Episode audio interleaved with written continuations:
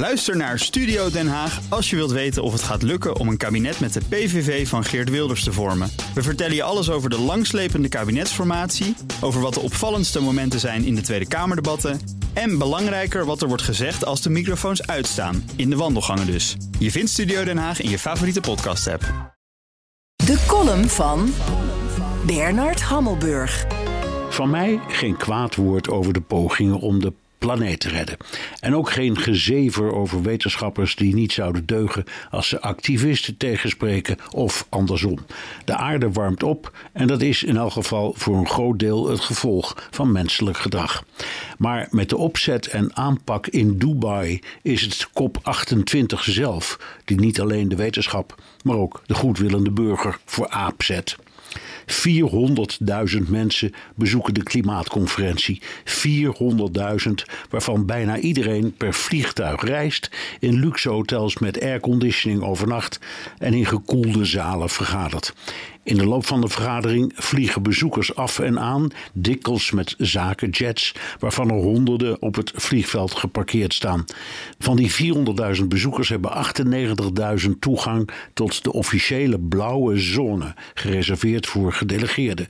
Bloomberg houdt het op 70.000 gedelegeerden. Dat zijn vertegenwoordigers van regeringen en bedrijven. De CO2-voetafdruk van dit circus is magistraal, want naar Dubai kom je niet gemakkelijk op de fiets of met het spoor.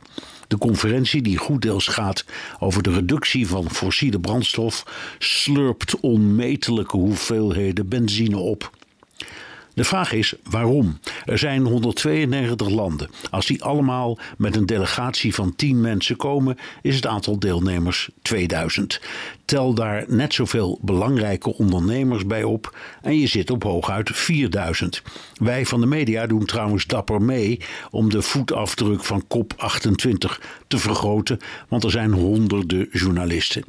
Daarmee begint COP steeds meer te lijken op het jaarlijkse feest voor de politieke, zakelijke en journalistieke elite in Davos.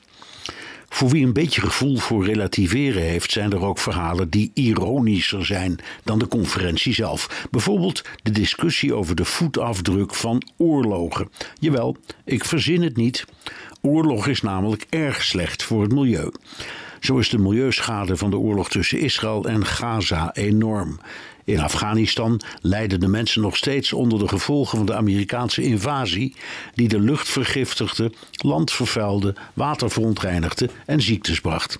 Dat de milieuzeeloten die dit soort onderzoek doen met geen woord reppen over de soldaten en burgers die omkomen, tekent de radicalisering van het klimaatdebat. De CO2-voetafdruk weegt kennelijk zwaarder dan een vermoord kind. De NAVO, zeggen de onderzoekers, denkt wel na over klimaatneutrale middelen, maar de 2% die lidstaten in hun defensie investeren, is een klimaatvijand.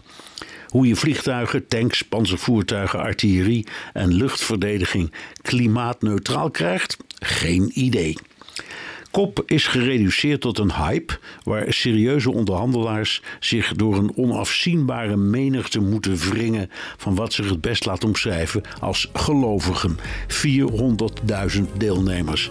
Ga nou toch weg zeg. Zet een ander voor aap.